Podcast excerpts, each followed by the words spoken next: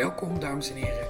Mijn naam is Daan Doesborg en dit is aflevering 2 van de Poëzie Podcast, waarin ik elke keer een dichter te gast heb die een gedicht van zichzelf leest en een gedicht van iemand anders. En deze keer is dat Ingmar Heitse. Welkom, Ingmar. Hallo. Jij hebt een gedicht meegenomen van iemand anders. Ja, ik, eh, ik, ik krijg eigenlijk net over de mail, op mijn verzoek overigens, kreeg ik, eh, krijg ik de zetproef binnen van uh, de buurt van Mieke Zonneveld, Leger. Je moet wel kiezen, dat is lastig. te aan. Ik moet kiezen. Mm. Oh ja, dat is wel leuk, want dan kan ik daarna wasstraat doen. Kijk, coherentie. Ja, dat is mooi, dan heeft het iets, iets met elkaar te maken. En dat, een manier... Ja, mooi trouwens. Ja, goed. Gebed. Om te staan op het veld en niet steeds ernaast, heb ik een cliché van u gemaakt. Een leeg omhulsel van taal door necrofielen herhaald. Achter het woord staat alleen een ander woord, en dat ad infinitum. Ik heb u getypeerd, genummerd en gearchiveerd. De kast een stoffig woordengraf. Dit is mijn extra tijd en ik jongleer met glazen seconden. Nieuwe talen, nieuwe rituelen en gebaren. Ontbonden leef ik, opgeheven en ontbonden zonder u.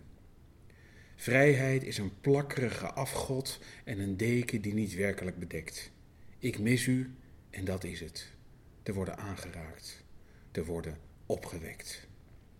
Goed gedicht. Ja. Ja, zij is goed, vind ik. Dat is echt, uh, dan heb je wat. Ja, Volgens mij is dit, is dit debuut ook net, ook net verschenen. Zij, zij uh, maakte al langer furore in Amsterdam natuurlijk. Ik heb haar al jaren teruggezien op de Salon der Versen. Ja, precies. Simon Mulder. En daar maakte ze ook al een uh, goede indruk. Toen was de Turing, ik geloof ergens in 2014. Met een prachtig gedicht. En uh, nou is dan dat debuut daar. En ja, dat vind ik altijd wel erg prettig om, om, om debuten te lezen. Ik ben, ik ben oud inmiddels, dus ik moet leren. Je wendt je blik naar de nieuwe generatie om te kijken wat daar allemaal gebeurt. En ja, ik, denk altijd dat als je wil proberen relevant te blijven, voor zover je dat, dat ooit geworden bent, ooit zal zijn of wat dan ook, dan is het goed om te weten waar je het over hebt. En als het goed is, ken je alle dichters van heb je die al lang gelezen en staan ze al met naam en toenaam en handtekeningen en vriendelijke signeeropdrachten in je boekenkast. Het gaat natuurlijk om de jonge dichters. Dus we gaan jou niet zo snel betrappen op zo'n miskleun als die van Bertus Aafjes, die uh, over Lucebert zei dat uh, het fascisme de poëzie binnen marcheerde met de gedichten van Lucebert. Het leuke is dat, uh, dat jonge mensen waarschijnlijk alleen Bertus Aafjes aan die uitspraak nog kennen. Ja, en, en, niet aan zijn gedichten. En nou ja, of, of je daar novellen mist achteraf is ook een sterke vraag.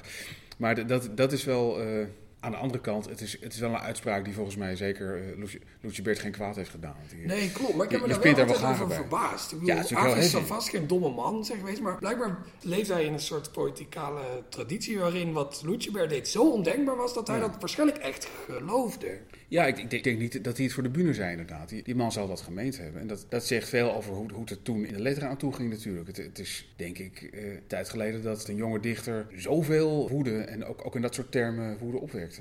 Ja, het was misschien wel de laatste keer, denk ik, eigenlijk met Lucebert. Ik bedoel, de maximale deden erg hun best, maar... Ja, dat, dat klopt. Je had ook, ook, echt een emmer rotte vis en zo nodig om over Michael Zeeman heen te gooien. Ja. dat soort, die, die, dus die, die hadden al attributen nodig. En dan nog was er een soort, voornamelijk ei over je bol, klap op de schouder. Uh, leuk jongens dat jullie dat doen. Ja. Achtig iets.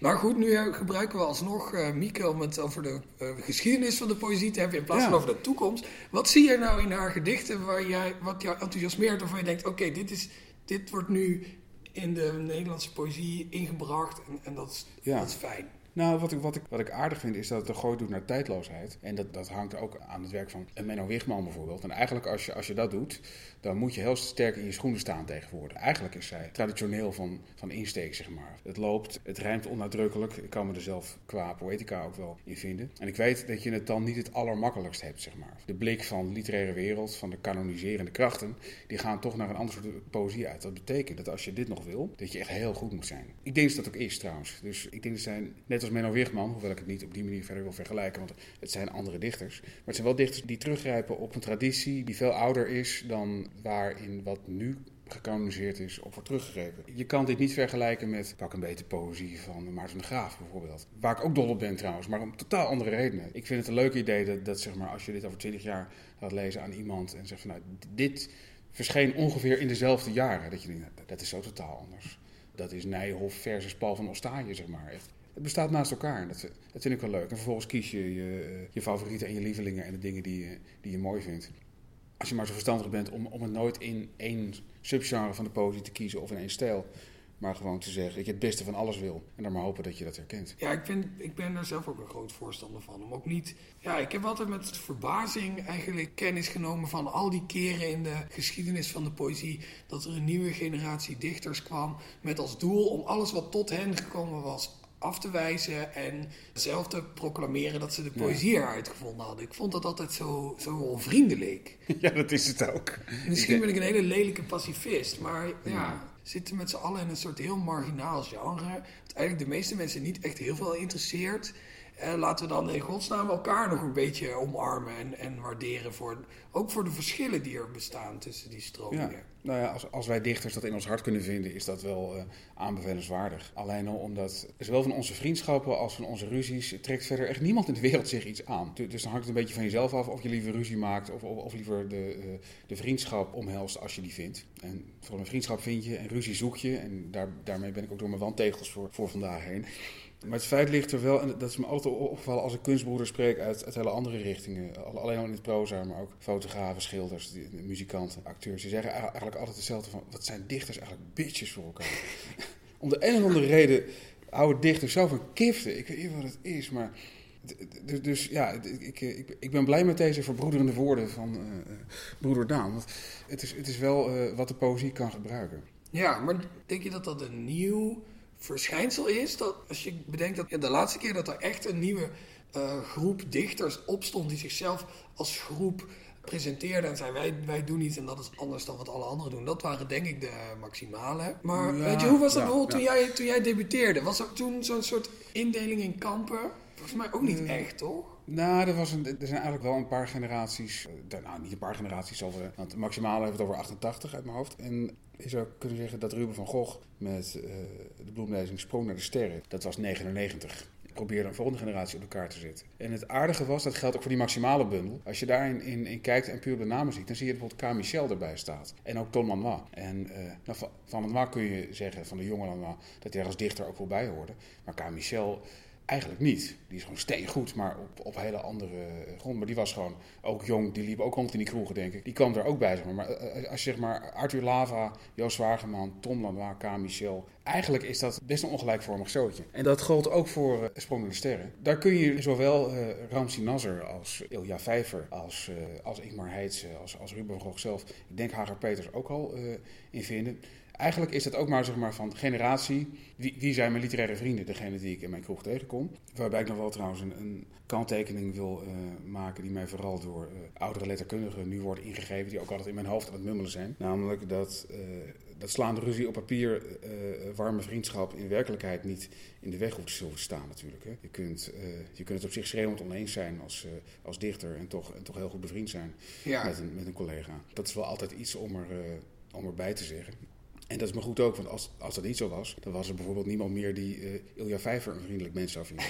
Die heeft zich uh, buitengewoon opzichtig en, en uh, ponerend afgezet tegen die hele sprong naar de sterrengeneratie. En vooral ook omdat hij zei van, ja, ik, wil helemaal niet zijn zoals jullie. Ik wil echt iets anders doen. Ik ben met iets anders bezig. En zoek het maar uit met jullie podiumgedichten of wat dan ook. Ware poëzie is iets anders. Dus hij had wel degelijk een manifeste benadering. En dat kun je nog wel als een aardige gooi naar het, ingooien van literaire glazen zien na de maximale. Zo rond 2000 is dat dan. Waarbij het trouwens ook wel opgemerkt zou kunnen worden dat het meestal zo is inderdaad dat de nieuwe generatie zijn vader probeert te vermoorden. En het interessant aan Ilja was dat dat hij eigenlijk zijn broers en zusters uh, kaal probeerde te stellen. Maar ook toen was wel duidelijk dat het ook veel te maken had met zelfprofilering. Dat lijkt wel heel erg op precies de reden waarom je natuurlijk dat doet. Waarom je zegt van anderen hebben afgedaan, je moet mij hebben en zij die met mij zijn. Het is ook een spel. Als je, als je een slam battle doet, dan denkt niemand dat die twee dichters op het podium echt elkaar eh, haten.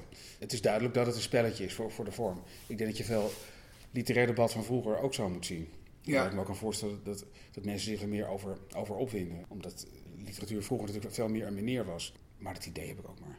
Ik was er niet bij. Toen Willem Kloos, zeg maar, eh, fulmineerde. Of toen Rodenko zijn stukken schreef. Ja, dat moet je ook maar net uh, uit, uit, uit de boekjes halen. Die ja, ik was er zelfs niet bij ten tijde van de maximale, kan je nagaan. Ik wel. En het was... Uh, Interessant, kan ik je vertellen. Op een gegeven moment was er een, eh, een avond in Muziekcentrum Vredenburg, de, in die achterhoekige zaal, waar ook de Nacht van de Poëzie ook toen al een aantal keer had plaatsgevonden. En uh, weet je, behalve de maximale, en dat weet bijna niemand meer, en dat is niet onterecht, een dichteressengroep. En de dichteressengroep heette De Nieuwe Wilde en die werden aangevoerd door Elie de Waard. Niet de minste, geweldige mensen natuurlijk. En uh, ja, die had een, een, aantal dames die in, in haar zog ook aan het dichten waren geslagen. En nou, het was een zeer wisselend gezelschap. Er waren er een aantal die zeer terecht vergeten zijn. En een paar die het onterecht niet zijn. Uh, Gabba Wijnberg zat daar bijvoorbeeld uh, al, bij. Uh, Annemarie de Waard met bundels als, als strooien. Dus, veel veel uh, golvende schaamheuvels en veel gevoel en getast. En die waren zeg maar samen met de maximale, wat er wel één grote bak testosteron was, om een soort verbroederende voorstelling te hebben. En ik was daar toevallig met een bandrecorder voor de plaatselijke omroep. Toen nog denk ik Radio Utrecht. En ik, ik was 18 of zo. En dat liep helemaal uit de klauw, dat ging helemaal mis. Op een gegeven moment was er, je, moet je voorstellen, een setting dat er zeg maar, een podium werd helemaal ingenomen door een aantal nou, sofa's, waarop al die maximale gedrapeerd lagen, min of meer voor te lezen. Dat waren allemaal. En er was ook een masseur, die, een masseuse op precies zijn, die, die zeg maar af en toe er eentje op de bank legde en een beetje aan het, aan het kneden was. Tussendoor werd er voorgelezen. En de nieuwe wilden, die, die, waren op allerlei plekken in de zaal, kregen dan een spotje en, en lazen voor. En uiteindelijk had Ellie de Waard bedacht, en ik denk dat ze er wel eens zwetend wakker van wordt, om aan het einde een grote mand met duiven los te laten. dat komt er nog in Vredenburg. Nu zou je denken van, kom op, die bezigheid alles. Maar dus zij, zij had een, een, een roedel duiven had ze meegenomen. En, maar die hadden blijkbaar te lang in een spot gestaan. Dus ze deed uiteindelijk die, die mand open. En nou, de meeste duiven vonden er goed he, heen komen. Er vielen er zeker één of twee vielen er uh, levenloos uit. De masseuse zag dat en begon toen op Ellie de Waard in te slaan. Onder het roepen van, kutwijf, kutwijf.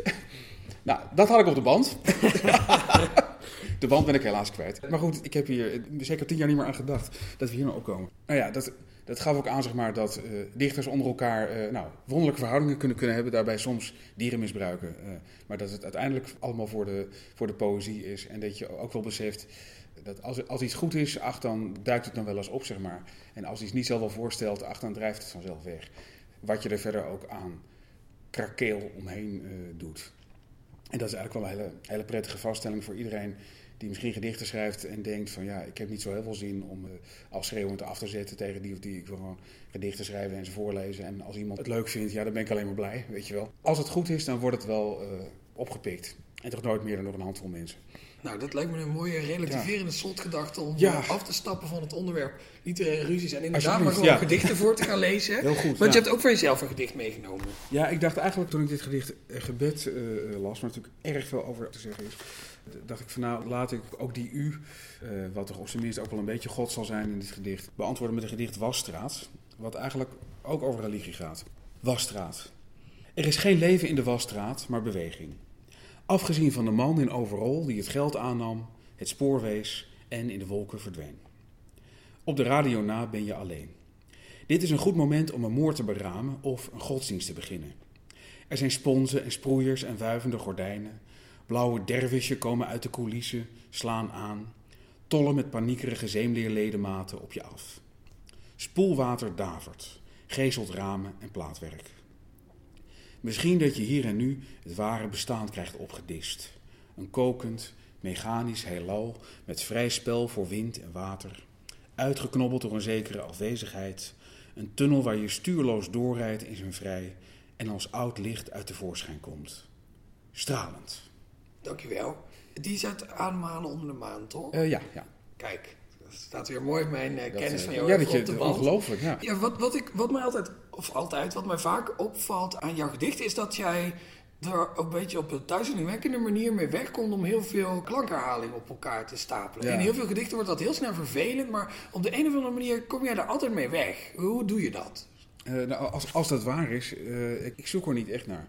Ik ga eigenlijk erg uit van het principe van Lou Reed. Dat hij gewoon teksten wil schrijven die klinken alsof iemand op straat zeg maar, gewoon zou kunnen zeggen tegen iemand anders. Dus eigenlijk is het spreektaal, maar het is natuurlijk wel op de een manier is het gecondenseerde, ingedikte spreektaal. En blijkbaar is er iets aan mijn manier van denken als ik aan een gedicht begin, die op zoek gaat naar die klankherhalingen. Ik weet eigenlijk niet waarom, maar blijkbaar vind ik dat leuk klinken uh, als je het zegt. Ik moet nog denken aan de klusjesman van Jos Stelling in, uh, in Café Springhaver. En Jos Stelling is eigenaar van uh, het en Springhaver. Dus de, de betere kleine bioscoop in, uh, in Utrecht. Jos Stelling is zelf ook een begenadigd filmmaker. Een groot filmmaker. Een van de grootste van Nederland. En die heeft een klusjesman. En dat is Frans. En Frans is, nou, kan nog echt Utrechts. Hij komt uit de Utrechtse volkswijk. En Jos zegt altijd van, als, als je Frans hoort praten, hij zoekt de aas. En dat klopt inderdaad. Als Frans aan het praten is, dan hoe meer aas, hoe beter. Want in dat aas is, is Utrecht heel mooi. Ja. Dat, als je zeg maar van aas houdt, dan moet je proberen plat Utrecht te gaan praten. En zoals Frans het kan, kan niemand het. Dus hij zoekt de aas. Nou, dat, dat heb ik ook. Ik zoek, de, ik zoek de klinkers, omdat ik ze mooi vind. En wat taal er mooi van wordt. Ja, ik had in jouw, in jouw nieuwe bundel, of ja, nieuwe bundel uit 2015, De man die ophield te bestaan, las ik gisteren een gedicht. En dat was ook zo'n regel waarvan ik dacht, dit kan eigenlijk niet, maar het kon wel. En het mooie van zo'n podcast is natuurlijk dat als het nu te lang duurt om die te vinden, dat ik dat eruit knip. Dan is Ja, het net alsof ik dat heel snel gevonden heb. Eigenlijk kan altijd even volpraten, lieve luisteraar, en vertellen dat we in een, in een kleine zaal eh, zitten. Wat een dat is het meer gehad. En een uh, mooi aardig in ruimte. Wel natuurlijk akoestiek, maar het is een stuk, uh, stuk rustiger gemaakt. Terwijl daar nog steeds in die ene regel van mij... Ja, ik kan het niet vinden. ik kan dit, gewoon, al- dit gaat er gewoon allemaal uit. Nou, dan gaan we het over iets anders hebben. Ja, heel goed. Je had het over regels die, die, die niet kunnen. Het is wel iets, iets wat, me, wat me vaak heeft aangekleefd. Op de rand van het cliché is mij vaak even verwijtend als complimenteus toegevoegd, zeg maar. Ja. Net afhankelijk van de vraag of je vindt dat ik aan de ene of de andere kant van de rand ben uitgekomen. Maar dat klopt dus wel. Ik hou inderdaad van, van poëzie waarbij eigenlijk in elk geval de taal niet in de weg zit eh, van het beleven ervan. Ik krijg natuurlijk ook wel eens het verwijt dat je poëzie veel te toegankelijk is. Terwijl dat is wel een beetje een Ja. raar verwijt, vind ik. Want Ja. eh, zolang, het, zolang het inderdaad niet over die rand van dat cliché heen gaat, dan is toegankelijkheid natuurlijk alleen maar een pre, zou je zeggen. Ja, nou, het is een tijdgeestachtig verwijt. In de zin van, er zijn tijdperken waarin meer toegankelijke poëzie wordt gehekeld. En tijdperken waarin dat juist in elk geval in een, in een iets minder kwade reuk staat. Laten we, laten we het zo maar zeggen. Maar over het algemeen eh, begrijp ik wel dat, dat poëzie, zeg maar, niet wordt beschouwd als een, als een genre waarin je a priori lekker makkelijk met taal eh, om moet gaan. Want als je dat doet, dan moet je eigenlijk light verse schrijven. Dat heb ik vanaf het begin gehad, zeg maar. Dat, dat ik als, als, als zeer jonge dichter werk naar het blad de tweede ronde stuurde. Wat ik een leuk blad vond. Wel mensen als, als Jan Kou en Dr. Anders P. Maar Ver- Verstegen, heel veel andere dichters die stonden. En dan kreeg ik meestal een heel vriendelijk briefje terug van... we vinden het hele leuke gedichten, maar zet ze gewoon eens op rijm en in een metrum. Dan, ja, dan kunnen we er wel wat mee. En ik, ik snapte de reactie wel, maar ik dacht, ja, dat ben ik eigenlijk niet van plan. Om, nou- om nou, dat doet geforceerd aan, zeg maar, in mijn boek. Ik heb later ook veel meer dichters leren kennen... die ook enigszins in de, ja, wat je toch een spreektaalhoek eh zou kunnen noemen zitten. Veel van die uberconcrete Rotterdammers hebben dat ook. Hè? Eh, Ja. Vaandrager en Waskowski. In Utrecht alleen Thijster. Die zeer tot mijn ongenoegen uit de dikke vijver is, eh, is verdwenen. Maar ja, dat kan gebeuren. That's all in the game. Ja, Er zijn weer allemaal andere dichters ingekomen. Dus ik schaar me niet in het koor van, me- van mensen die zeggen dat, dat dat zo erg is. Of ik 350 exit, dat vind ik wel een hoop. Het is wel een exodus aan, eh, aan nogal goede dichters ook overwegend. Maar goed, dat terzijde. Op een gegeven moment me- merk je dat er wel degelijk een school is van, van dichters die dat ook doen. Hoewel het inhoudelijk een totaal andere kant heeft en qua kunstgreep ook anders werkt. Maar Frank Koenegracht is ook zo iemand die ik zeer diep bewonder. Luc Roué, Rob Schouten. Het leeft lang. Niet veel mensen lezen het nog, maar het is heel mooi. En ga zo maar door. En zelfs meer vormvaste dichters. Zoals eh, wat ik zeker weet dat Mieke Zonneveld die goed gelezen zal hebben. Als Jellema bijvoorbeeld. En trouwens ook mensen die vaak de lightverse hoek in worden gedouwd. Als, als Jan Kal. Ik heb de indruk dat het, laat dat mijn hippie-achtige inborst eh, dan maar zijn. Ik heb de indruk dat het jonge mensen, jonge dichters, mensen van jouw generatie en jonger, geen fuck meer uitmaakt of iets nou vormvast of in vrije vorm is, wat trouwens ook een vorm is. Dat al die tegenstellingen, zeg maar, waar, waar mijn generatie mee rondloopt, inderdaad van toegankelijk of niet, eh, moeilijk of niet, eh, vormvast of niet, vorm of vent, misschien zelfs nog dat de auto iemand mompelt. Dat lijkt jullie helemaal niet meer te interesseren en dat lijkt me buitengewoon gezond. Ja. Dan, dan weet je ook dat, dat al die dingen leerstellingen zijn waar je dan een tijdje druk over maakt. Omdat een paar mensen, recensenten meestal, letterkundig hebben beweerd dat dat belangrijk is. En het is niet onbelangrijk, maar misschien is het niet zo belangrijk als we dachten.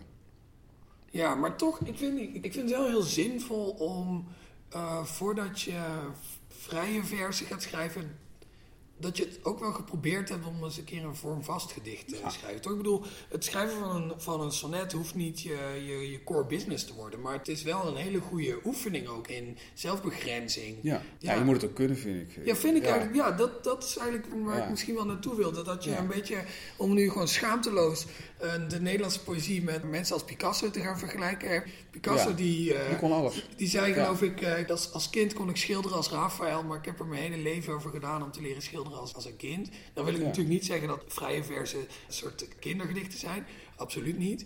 Maar ja, in ieder geval wel dat als je die, die gedegen klassieke basis hebt, dat is, een, dat is een solide basis om vervolgens al die grenzen los te laten, denk ik. Ja, dat denk ik ook. Plus dat het. Kijk, dezelfde dingen aan poëzie niet, niet aan te leren. En dat een bepaald talent voor ritme en klanken, dat heb je of dat, of dat heb je niet, denk ik. Maar juist die, die, die voorbeheersing en de prosodie in het algemeen, dat zijn dingen die kan je nou echt leren als je je best doet. Als je niks meer in je mars hebt dan dat, dan blijf je hangen in Bob Ross-achtige poëzie waarschijnlijk. Uh, dus inderdaad, mini-stack, uh, invul oefening, achtig spul. Dan blijven het gebeeld houden sonnetten, maar wel sonnetten die inderdaad ook niet tot leven komen. Zeg maar. Maar als je ook een beetje talent voor rijm, ritme, klank en laten we de inhoud ook niet helemaal vergeten, uh, hebt, dan ja, word je er alleen maar beter van. Plus dat het altijd praktisch kan zijn. Je zou het bijna als een soort dichtelijk typediploma kunnen beschouwen. Op een gegeven moment mocht ik een gedicht schrijven in opdracht van een, van een bedrijf. En dat, dat ging een nieuwe fase in. Volgens mij hadden ze een, een nieuwe fusie of zo. En Gerrit Komrij bleek bij uh, het ontstaan van dat bedrijf een, gedicht in opdracht hebben geschreven. En dat hadden ze ook nog. En dat was een fantastisch gedicht. Het zat loeistrak in de vorm. Dat een, volgens mij was het maar tien regels, maar het had, had een prachtig distigon op het eind. Het, was heel subtiel. Het was, echt misschien maar acht regels. Volgens mij twee keer drie en dan een distigon. Dat kwam ook heel mooi spiegelend. Dat was prachtig. Maar ik zag wel meteen hoe het in elkaar zat. En toen zei ik, van, zal ik proberen om een antwoord te schrijven precies in die vorm? Kan je dat? Ik zei, ik kan het proberen. En nou goed, het, het werd niet zo strak als Komrij, maar de, de, voor de hoofdelementen had ik denk ik van de meester nog wel een zeventje gehad. En het paste er heel goed bij. En toen besefte ik, dat, dat gaat ook alleen maar omdat ik dat geleerd heb. Ik heb toen ik 15 was, dat, nou iets, iets ouder, 16, 17, dat handboek voor plezierdichters, later ja. het handboek versvormen van Dr. Hans P. Eh, te pakken gekregen. En heel veel van die vormen gewoon geoefend. En ook ontdekt, daar zal ik nooit echt goed in worden. Maar ik weet wel hoe ze werken en ik weet ook waarom ze bestaan. Waarom je naar een ballade kunt grijpen of naar een sonnet. Of naar een pantoum of naar nog wonderbaarlijker dingen. Al die versvormen hebben, hebben redenen van bestaan. Dat zijn, zijn niet spelletjes of niet alleen maar spelletjes. Die hebben hun sterke en minder sterke kanten per onderwerp. Nou, dat helpt als je, als je dat weet. Is loslaten is altijd beter dan nooit hebben geweten dat het überhaupt is. Ik vind dit echt een hele fijne pacifistische aflevering. Ja, we zijn erg ja, op elk front tot de conclusie dat, dat alles zijn bestaansrecht heeft en dat, dat het altijd nog het beste is om alle dingen te omarmen en, en alles op zijn eigen naast elkaar bestaande waarden te schatten. En overigens ben ik van mening dat Carthago verwoest dient te worden. Nou, dit lijkt me een prachtig einde voor deze aflevering, aflevering 2 van de Poëzie Podcast. Bedankt Ingmar. En eh, bedankt ook alle andere mensen en instanties die deze podcast mede mogelijk eh, maken, namelijk Vrij Nederland, eh, de SLA, de Stichting Literaire Activiteiten Amsterdam, en natuurlijk het prachtige Splendor, waar wij op dit moment zitten. Alle andere afleveringen van deze podcast, voor zover die bestaan in de nabije toekomst, die zijn te beluisteren op allerlei podcast-apps en op iTunes en op Soundcloud. En natuurlijk op de site van Vrij Nederland via www.vn.nl slash poëziepodcast. Dank jullie wel voor het luisteren.